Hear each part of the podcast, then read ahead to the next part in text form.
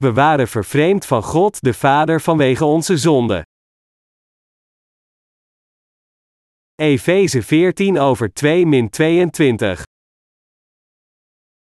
Want hij is onze vrede, die deze beide één gemaakt heeft, en den middelmuur des afscheidsles gebroken hebbende, heeft hij de vijandschap in zijn vlees te niet gemaakt, namelijk de wet der geboden in inzettingen bestaande, opdat hij die twee in zichzelf tot een nieuwe mens zou scheppen, vredemakende, en opdat hij die beide met God in één lichaam zou verzoenen door het kruis, de vijandschap aan hetzelfde gedood hebbende.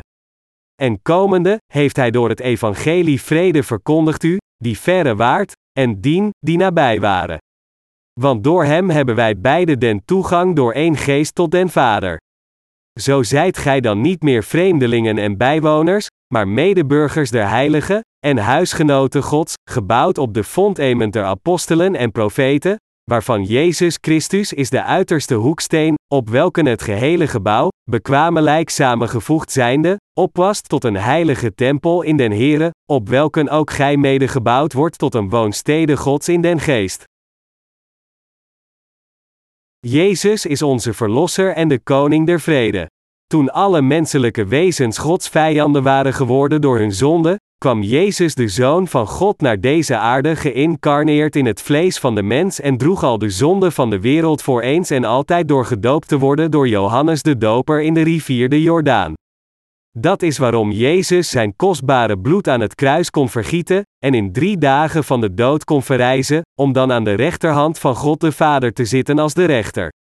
Jezus Christus offerde zichzelf als ons eeuwigdurend verzoenoffer van vrede om ons met God de Vader te verzoenen. Het was om de muur van zonde die ons van God scheidde af te breken, en het was ook om de vijandschap tussen God en ons mensen te af te schaffen dat Jezus zichzelf offerde als ons verzoenoffer. Jezus was naar deze aarde gekomen om al de zonde die wij plegen door ons falen de geboden van God te onderhouden uit te wissen. De Heer droeg al onze zonden door het doopsel op zijn eigen lichaam te ontvangen, zijn eigen leven neer te leggen door gekruisigd te worden aan het kruis om voor al deze zonden gestraft te worden, en daarmee heeft Hij onze zielen weer tot leven gebracht met de prijs van zijn eigen leven. Daarom, dankzij Jezus, kunnen wij de gelovigen in het evangelie van het water en de geest voor eeuwig verzoend worden met God en zijn kinderen door geloof worden, en de Almachtige God kon onze Vader worden. Dat is waarom de apostel Paulus zei dat al diegenen die in Jezus Christus geloven verzoend zijn met God. Jezus kwam door het evangelie van het water en de geest om ons zondeloos te maken. Hij heeft al onze zonden uitgewist door dit ware evangelie te volbrengen. Daarom, al diegenen die in Jezus als hun verlosser geloven binnen dit ware evangelie hebben de vergeving van zonden ontvangen en zijn Gods eigen kinderen geworden. Echter, er zijn nog steeds veel mensen in deze wereld die niet Gods kinderen zijn en dit is omdat deze mensen niet in Jezus als hun verlosser geloven die kwam door het evangelie van het water en de geest. Maar, het ware evangelische woord van God en de Heilige Geest die in de harten van al diegenen zijn die de vergeving van zonde hebben ontvangen door geloof zijn meer dan in staat om van elke gelovige een kind van God te maken. Een verhaal van een moeder en haar volwassen dochter die geadopteerd was vanwege armoede toen zij een kleuter was. Hoewel Zuid-Korea nu een zeer welvarend land is, was dit enkele decennia geleden niet zo. In feite was het een halve eeuw geleden een van de armste landen in de wereld, herstellend van de verwoestende gevolgen van de Koreaanse oorlog. Hoewel Zuid-Korea in staat was de Noord-Koreaanse invasie te dwarsbomen met de hulp van de VN-troepen, liet de vernietiging door de oorlog veel tragische erfenissen achter, en daarvan was de talloze kinderen die hun ouders in deze ruïneuze oorlog verloren. Veel van deze weeskinderen werden geadopteerd door pleegouders in ontwikkelde landen, vooral van rijke westerse landen. In die tijd hadden veel Koreaanse vrouwen niet de middelen om hun kinderen op te voeden. Met het hele land verwoest door de oorlog, was er nauwelijks iets te eten.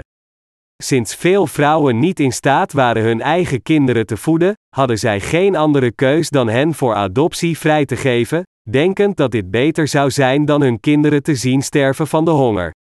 Toen ze hoorden dat rijke buitenlanders bereid waren om hun kinderen te adopteren en hen in een betere omgeving op te voeden, gaven zij hun kinderen als laatste redmiddel op om ervoor te zorgen dat hun kinderen zouden overleven.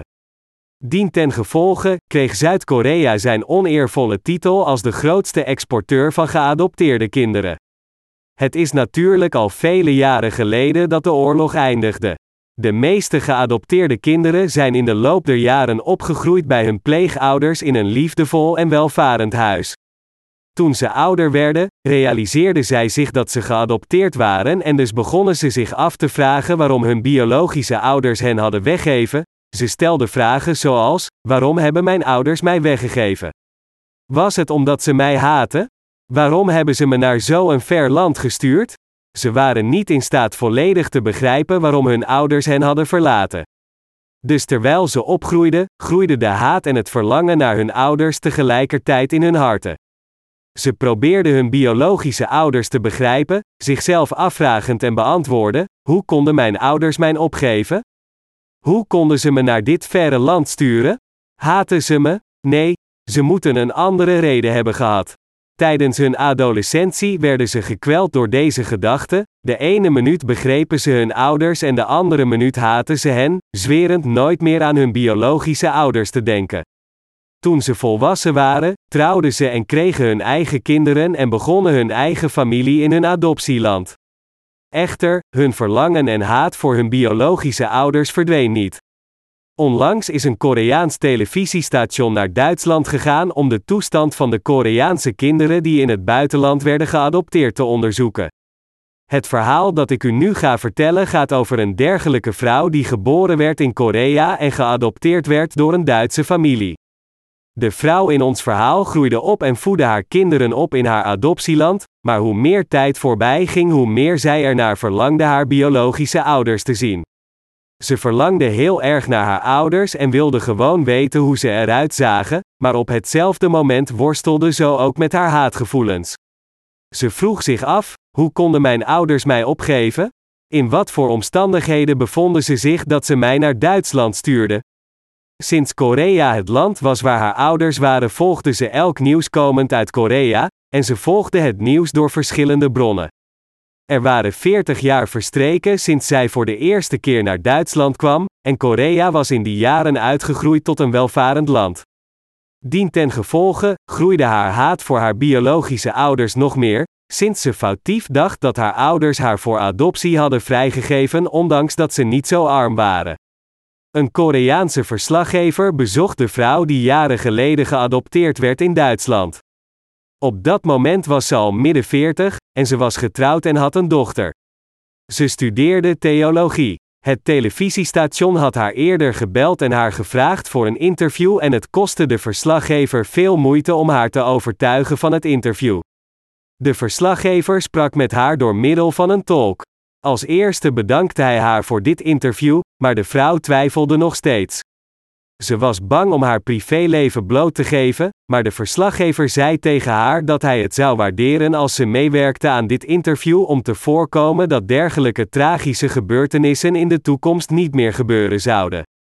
Na nog een tijdje geaarzeld te hebben, stemde ze uiteindelijk toe en zei dat ze dit niet deed voor haar eigen interesse, maar om te voorkomen dat nog meer kinderen gescheiden zouden worden van hun biologische ouders en geadopteerd zouden worden door buitenlandse landen. De verslaggever stelde veel vragen, waaronder: als u uw biologische ouders nu zou ontmoeten, wat zou u als eerste tegen hen zeggen? De vrouw antwoordde zonder twijfel: Ik zou hen willen vragen waarom zij mij hier naartoe hebben gestuurd. Als ik mijn biologische ouders ooit zou ontmoeten, dan zou ik hen vragen waarom ze me voor adoptie hebben vrijgegeven. Ik kan hen gewoon niet begrijpen. Ik wil hen vragen waarom ze me haten en me wegstuurden. Haar interview werd opgenomen in het documentaire programma dat het televisiestation maakte over adoptie, en zo gauw het programma hier in Korea werd uitgezonden, contacteerde een vrouw het televisiestation en beweerde de moeder te zijn. Ze had haar dochter in de documentaire gezien en contact opgenomen met het televisiestation om te vragen of zij haar kon zien. Het station nam contact op met de vrouw in Duitsland om haar te informeren dat haar moeder naar haar op zoek was, en vroeg of ze bereid was haar te ontmoeten. Ze zei tegen het station dat ze haar moeder ook wilde zien. De biologische moeder kwam naar het vliegveld en wachtte op de komst van haar dochter. Ze wilde haar dochter zo graag zien dat ze haar ogen nooit afwendde van de aankomstdeur. Maar dochter kwam niet zelfs nadat haar aankomsttijd al voorbij was. Iedereen was teleurgesteld, en net toen ze wilden opgeven, hoorden ze dat de dochter een verkeerde verbindingsvlucht had genomen en dat ze pas na zeven uur zou arriveren. De verslaggever stelde de moeder voor om naar een restaurant te gaan of ergens anders om wat te rusten en later terug te komen. Maar de moeder zei tegen hem: Ik wacht al decennia op mijn dochter, en dus kan ik ook nog wel zeven uur wachten. Ik wacht hier in het vliegveld.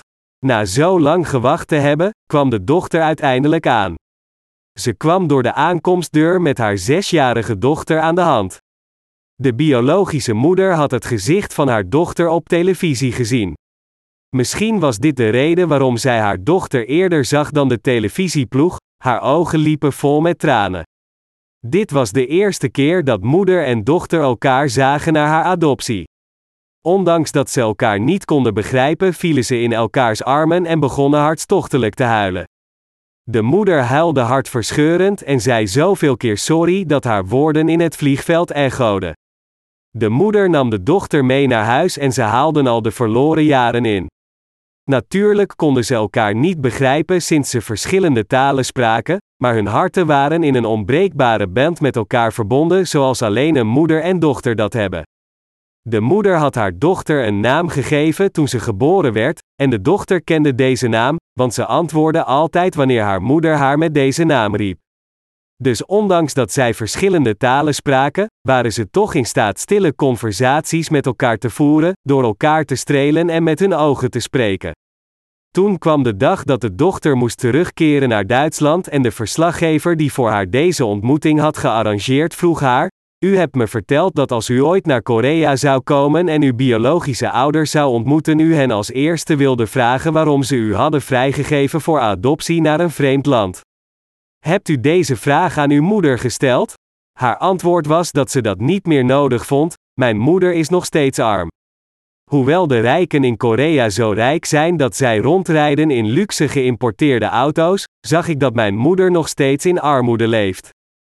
Ondanks dat ik het haar niet gevraagd heb en zij mij geen antwoord kon geven, wist ik al dat ze me voor adoptie had vrijgegeven omdat ze zo arm was en mij wilde redden van deze armoede. Dus hoefde ik haar deze vraag niet te stellen, en al mijn twijfels en haat zijn ook verdwenen. Net zoals de moeder en dochter in dit verhaal gescheiden werden vanwege armoede, waren ook wij gescheiden van God vanwege onze zonde. Waarom werden alle menselijke wezens in deze wereld gescheiden van God onze Schepper? De vrouw in ons verhaal werd gescheiden van haar moeder omdat in de nasleep van de oorlog haar biologische ouders bevonden zich in zo'n zware armoede dat zij geen voedsel voor haar hadden. Ze waren gedwongen haar voor adoptie vrij te geven als laatste redmiddel. Net zoals de dochter hier, waren wij ook van God gescheiden, ondanks het feit dat wij fundamenteel door God zelf gemaakt werden naar de gelijkenis van zijn eigen beeld. Wat verklaart dit? Waarom hadden wij menselijke wezens geen andere keus dan gescheiden van God te leven? Wij werden van God gescheiden omdat Satan ons liet zondigde tegen God. Het is vanwege deze zonde dat wij pleegden tegen God dat wij vervreemd raakten van God. Gods oorspronkelijk bedoeling om ons naar de gelijkenis van zijn beeld te scheppen, was om ons tot zijn eigen volk te maken. Hij had ons in zijn evenbeeld gemaakt zodat wij met hem voor eeuwig gelukkig zouden leven. Echter, Satan de gevallen engel vervreemde de mens van God met zijn leugens, en liet hen aan de zonde vervallen om hen van God af te drijven. De duivel had zich bemoeid met de relatie van de mens met God, zodat hij niet zou geloven in zijn woord. Anders gezegd, Satan had de mens misleid niet in het woord van God te geloven. Dus de duivel liet Adam en Eva van de boom van de kennis van goed en kwaad eten die God voor hen verboden had, en dien ten gevolge veranderen de menselijke wezens in Gods ogen in zondaars en dreven van hem af.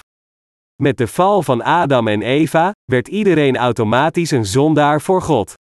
De mens was zo arrogant dat hij niet alleen weigerde in het woord van God te geloven, maar hij weigerde ook zijn liefde, ervoor kiezend zijn woord niet gehoorzamen.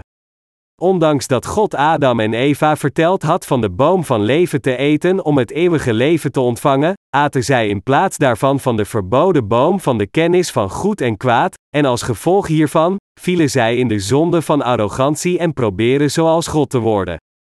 Door deze arrogantie zondigden Adam en Eva uiteindelijk tegen God door ongehoorzaam te zijn aan zijn woord, en door deze ongehoorzaamheid kwam de zonde in elk menselijk hart, en door deze zonde waren alle menselijke wezen voor eeuwig van God vervreemd en afgesneden. Dat is waarom we zo lang van onze God waren vervreemd. En al die tijd, tijdens deze lange periode van vervreemding, hebben we God voor al onze ellende de schuld gegeven, zeggend: Waarom heeft God ons in de steek gelaten nadat Hij ons gemaakt heeft? Waarom stond Hij toe dat wij aan de zonde vervielen? Hij had ons niet moeten maken.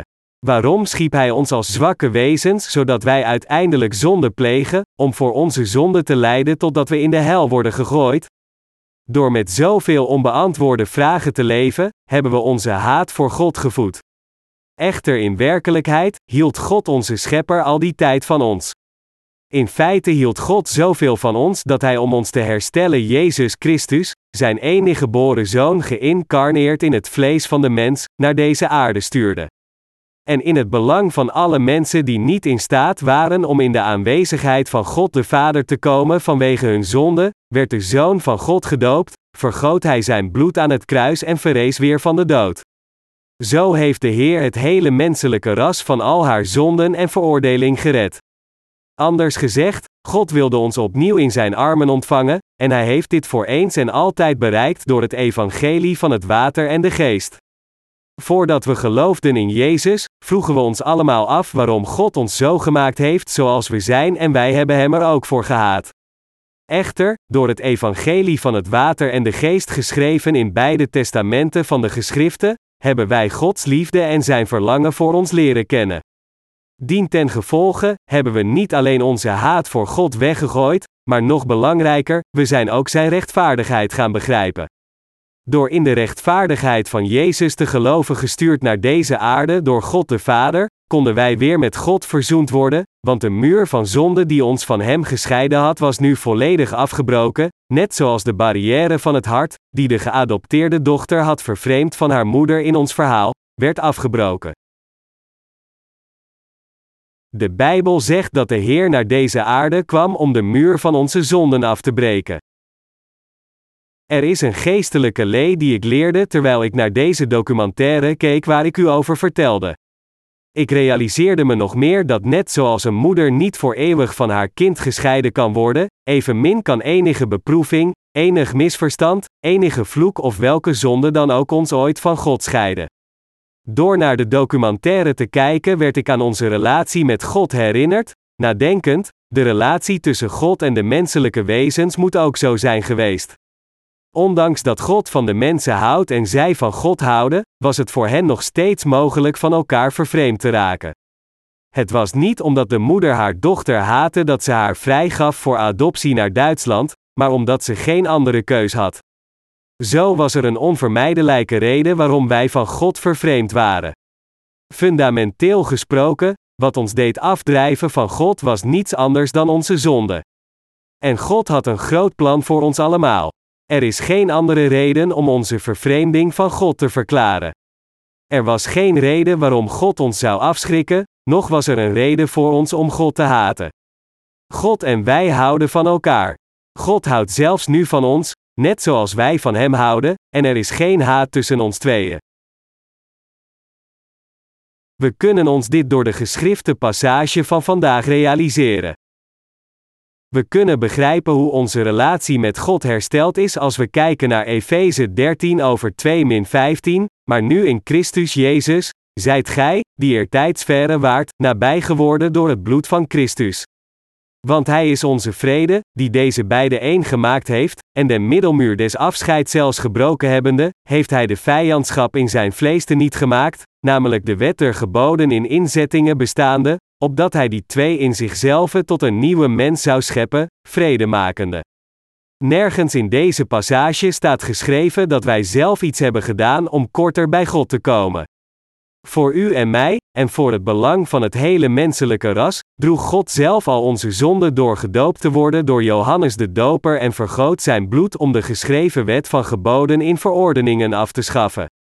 Om de muur van zonde die ons van God vervreemde af te breken, kwam zijn zoon Jezus naar deze aarde, werd gedoopt, en vergoot zijn bloed van leven aan het kruis, en met deze prijs van leven, heeft hij alle menselijke wezens van hun zonden en veroordeling gered. God heeft ons hersteld door zijn eigen zoon Jezus op te offeren. De Bijbel schrijft duidelijk dat God zoveel van ons houdt dat hij ons gered heeft en ons in zijn armen omarmt. Hier kunnen zonder enige twijfel ontdekken dat we onze zaligmaking hebben bereikt door de evangelische waarheid van het water en de geest. Het onbetwistbare belang van het doopsel van Jezus. Wat zou er gebeuren als er geen water op deze wereld was? Stelt u zich voor hoe dat zou zijn. Een tijdje geleden hield ik een herlevingssamenkomst in onze aangesloten kerk in Intzan, en op de laatste dag van onze samenkomst werd het water afgesloten van de kerk. Zonder kraanwater in het gebouw konden de organisators de afwas niet doen, en dus toen de lunch geserveerd werd, moesten ze plastic folie om de borden doen en legden daar het voedsel bovenop. Als we onze herlevingssamenkomsten houden, dan blijven we gewoonlijk verschillende dagen in de kerk totdat we de samenkomst beëindigen. Als de laatste ontmoeting s'avonds is, dan keren we de volgende dag na het ontbijt naar huis. Maar op die dag moest ik iedereen vragen om dezelfde avond nog naar huis terug te keren. Ik werd me ervan bewust hoe onmisbaar water is. Seoul is een grote stad met meer dan 10 miljoen inwoners. Wat zou er gebeuren als Seoul een maand zonder water zou zitten? De hele stad zal in een gigantische vuilnisbelt veranderen, elke gebouw zal overvloeien met vuiligheid en zo stinken dat de stad onbewoonbaar wordt.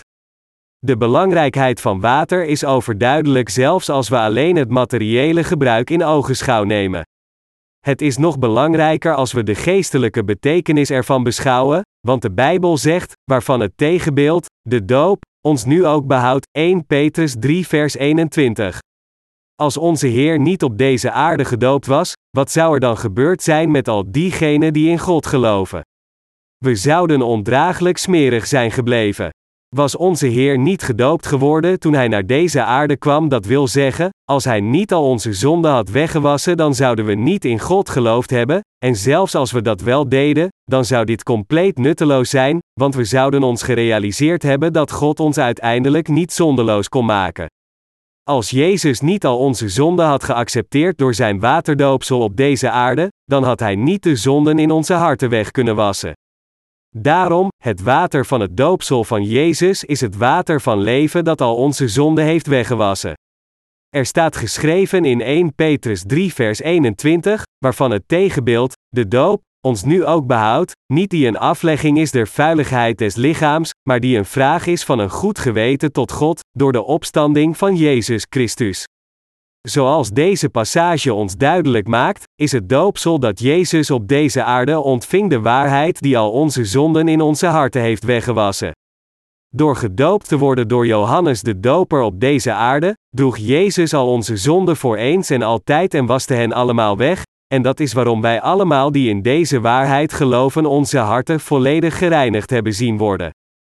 Het is omdat Jezus gedoopt werd door Johannes de Doper dat hij al de zonden op deze wereld in een keer kon accepteren, en dat is omdat al onze zonden zo aan het lichaam van Jezus werden doorgegeven dat wij de vergeving van onze zonden konden ontvangen door in deze Jezus als onze Verlosser te geloven. Maar, als Jezus niet gedoopt was geworden door Johannes de Doper, dan zouden wij nog steeds zondaar zijn ondanks dat we in Jezus geloven. Tenzij we geloven in het doopsel van Jezus, kunnen we nooit al onze zonden aan Hem doorgeven. We zouden dan nog steeds smerige zondaars zijn, ongeacht hoe vurig we ook in Jezus als onze Verlosser geloven. De Heer leerde ons de dood te vermijden door al onze zonden weg te wassen met Zijn doopsel en Zijn bloed aan het kruis. Laten we kijken in het Oude Testament om te zien hoe zonden werden weggewassen met water. Er staat geschreven in Exodus 30 vers 17 tot 21, en de Heere sprak tot Mozes, zeggende, Gij zult ook een koperen wasvat maken, met zijn koperen voet, om te wassen, en gij zult het zetten tussen de tent ter samenkomst, en tussen het altaar, en gij zult water daarin doen, dat Aaron en zijn zonen zich daaruit wassen, hun handen en hun voeten. Wanneer zij in de tent ter samenkomst zullen gaan, zo zullen zij zich met water wassen, opdat zij niet sterven, of wanneer zij tot het altaar naderen, om te dienen, dat zij het vuuroffer den Heere aansteken, zij zullen dan hun handen en hun voeten wassen, opdat zij niet sterven, en dit zal hun een eeuwige inzetting zijn, voor hem en zijn zaad, bij hun geslachten.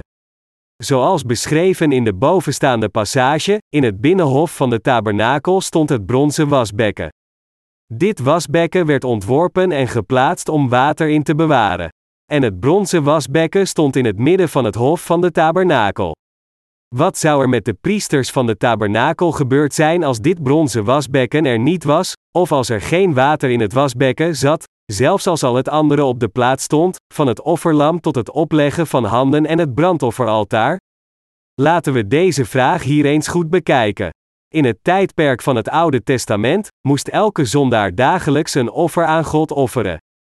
Als de zondaar zijn handen op het offerdier legde, moesten de priesters van het Oude Testament het dier doden, zijn bloed aftappen, het in stukken snijden en het verbranden om aan God te offeren. Dus vilden zij het dier, sneden het vet eruit, namen de onreine delen en gooiden deze buiten het kamp om te verbranden. De priesters deden dit werk de hele dag, en dus kunt u zich voorstellen hoeveel bloed er op hen spetterde en hoe smerig ze erdoor werden. Als de tabernakel geen water in het bronzen wasbekken had, dan zou het voor de priesters die daar dienden onmogelijk zijn geweest om hun lichamen te reinigen.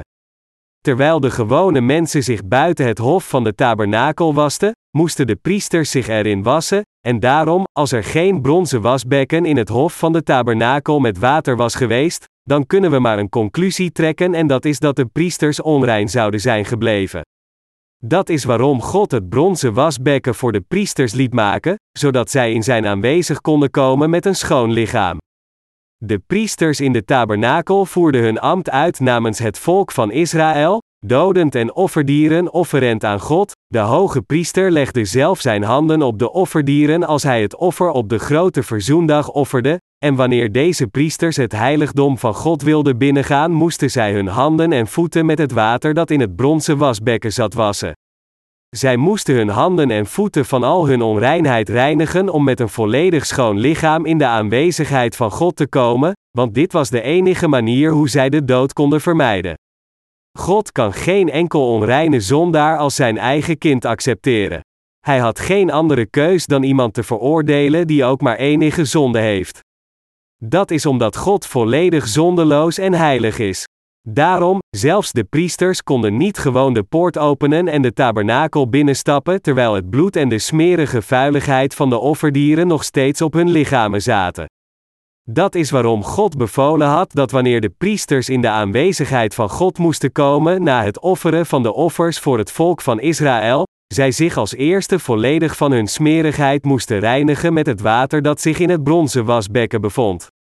Wat zou er met deze wereld gebeuren als God niet langer regen op deze aarde liet vallen? Denkt u er hier eens over na. Zonder enige regen zal de hele wereld in een gigantische vuilnisbelt veranderen. Als God geen regen uit de hemelen laat vallen, dan zou deze wereld volledig verrotten. De natuur zelf zal haar hele leven verliezen, en de schoonheid van deze planeet Aarde zou compleet verdwijnen.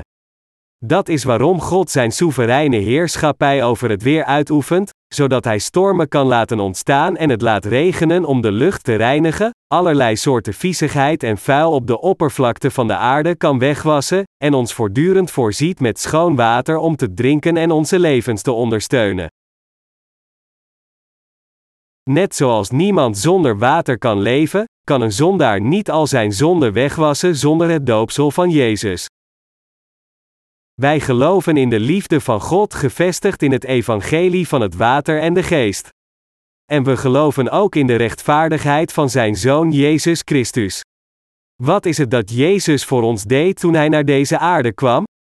God de Vader had zijn Zoon naar deze aarde gestuurd, geïncarneerd in het vlees van de mens, maar wat heeft Jezus precies op deze aarde gedaan? Het eerste werk van zaligmaking dat Jezus op deze aarde deed was gedoopt te worden door Johannes de Doper, Matthäus 13 over 3 min 17. Het was om dit waterdoopsel te ontvangen en daarmee al de zonde van de wereld te accepteren dat Jezus 2000 jaar geleden in de rivier de Jordaan stapte. Dat Jezus gedoopt werd door Johannes de Doper heeft dezelfde betekenis als in het Oude Testament het opleggen van handen, dat wil zeggen net zoals de zondebok in de dagen van het Oude Testament de jaarlijkse zonde van de Israëlieten accepteerde toen de hoge priesters zijn handen op het hoofd legden, zo accepteerde Jezus al de zonde van de wereld toen Johannes de Doper zijn handen op zijn hoofd legde. Jezus werd volledig onder water gedompeld toen hij door Johannes de Doper gedoopt werd, en geestelijk gesproken, dit impliceert zijn dood die aangeeft dat hij aan het kruis zou sterven. Hoe kunt u leven als er geen water is in deze wereld? Denk er eens een moment over na. Als diegenen die beleiden in Jezus te geloven, kunnen onze zonden worden uitgewist tenzij we geloof hebben in zijn doopsel. Nee, natuurlijk niet. Het is door zijn doopsel dat Jezus al onze zonden op deze aarde droeg, en daarom tenzij we met heel onze harten in dit doopsel geloven, kunnen we de heilige God niet benaderen, want we zouden nog steeds zondaars blijven. Per slot van rekening, hoe kan God iemand die zondig en smerig is zijn eigen kind noemen? God noemt nooit een van deze mensen zijn kinderen. Inderdaad, God heeft alleen diegenen die geloven dat de Heer al hun zonde heeft uitgewist met het evangelie van het water en de geest tot zijn kinderen gemaakt. Dit is niet gewoon een doctrine die tegenwoordig in de mode is. Het was absoluut onmisbaar voor God de Vader om Johannes de Doper en Jezus naar deze aarde te sturen, het is niet alsof er een van zou kunnen worden afgeschaft. Net zoals elk levend wezen in deze wereld alleen kan overleven als er water is, en net zoals alles alleen gereinigd kan worden als er water is, was het om ons te reinigen dat onze Heer gedoopt werd door Johannes de Doper, gekruisigd tot de dood, en weer herrees van de dood, daarmee ons allen reddend. Het evangelie van het water en de geest is absoluut noodzakelijk voor onze vergeving van zonden en onze zaligmaking. Onze Heer heeft ons gered door ons te reinigen van al onze smerige zonden met het water en de geest. Anders gezegd, onze Heer heeft al onze zonden weggewassen door gedoopt te worden door Johannes de Doper om hen allemaal te dragen. De Heilige Geest daalde uit de hemels neer als een duif toen Jezus gedoopt werd door Johannes de Doper, en dit toont ons dat onze zaligmaking werd bereikt door het werk van God de Vader, Jezus Christus en de Heilige Geest. Het doopsel dat Jezus ontving van Johannes de Doper vormt een onmisbaar element van het prachtige evangelie verkondigend dat onze Heer al de zonde van het hele menselijke ras droeg om iedereen van alle zonde te redden. De straf die Jezus ontving aan het kruis, is de veroordeling die hij droeg om het loon van al de zonde van de mensheid af te betalen als zodanig, het doopsel dat Jezus in onze plaats ontving en het bloed dat Hij vergoot om namens ons het loon van onze zonden af te betalen, zijn de belichaming van de onzelfzuchtige liefde van God. Ondanks dat hij nooit een zonde pleegde, nog iets verkeerds heeft gedaan om zelfs maar een straf te verdienen, was hij een man geworden om ons van al de zonden van de wereld te redden, en door onze zonde te accepteren, werd hij geslagen door de Romeinse soldaten, veracht en namens ons voor onze zonde vermoord en verrees weer van de dood. Op deze manier, door 33 jaar op deze aarde te leven, vervulde Jezus perfect onze zaligmaking om ons van al onze zonden te bevrijden. Nadat Jezus een man werd, wat deed hij als eerste om u en mijn zonden uit te wissen? Hij werd gedoopt door Johannes de Doper om ons mensen volledig zondeloos te maken. Het was om ons tot God eigen kinderen en rechtvaardige mensen te maken dat Jezus gedoopt werd en zijn bloed vergoot toen hij naar deze aarde kwam. Door zijn doopsel van Johannes de Doper te ontvangen, heeft Jezus ons in zondeloze mensen veranderd. Hij heeft iedereen die gelooft in zijn doopsel en zijn bloed aan het kruis volledig zondeloos gemaakt. Aan het kruis sterven is niet het enige dat Jezus Christus deed voor onze zaligmaking. Voorafgaand aan zijn lijden aan het kruis, droeg hij al onze zonden door gedoopt te worden door Johannes de Doper. Dat is waarom onze Heer zei dat tenzij men is wedergeboren uit het water en de geest, hij nog het koninkrijk van God kan zien het nog kan binnengaan, Johannes 3 vers 5. Het was om onze zonde weg te wassen dat Jezus gedoopt werd door Johannes de Doper. Het is absoluut noodzakelijk voor elk menselijk wezen om de vergeving van zonde van God te ontvangen, en zodat God deze vergeving van zonden aan heel de mensheid kon geven, was het absoluut noodzakelijk dat Jezus gedoopt werd door Johannes de Doper en gekruisigd werd om zijn bloed aan het kruis te vergieten. De enige manier dat menselijke wezens bevrijd kunnen worden van de veroordeling van zonden is door in het doopsel dat Jezus van Johannes de Doper ontving te geloven en het kostbare bloed dat hij aan het kruis vergoot. De apostel Paulus zei dat het loon van de zonde de dood is, Romeinen 6 vers 23. Sinds wij allemaal zondaars waren vanaf de dag dat we geboren werden als menselijke wezens, moeten we allemaal het loon van onze zonden afbetalen met onze eigen levens. Daarom, om ons van deze zekere dood te redden en ons een nieuw leven te geven, droeg Jezus al de zonde van het menselijke ras op zijn lichaam door zijn doopsel, en hij legde zijn eigen leven voor ons neer door zijn bloed aan het kruis te vergieten.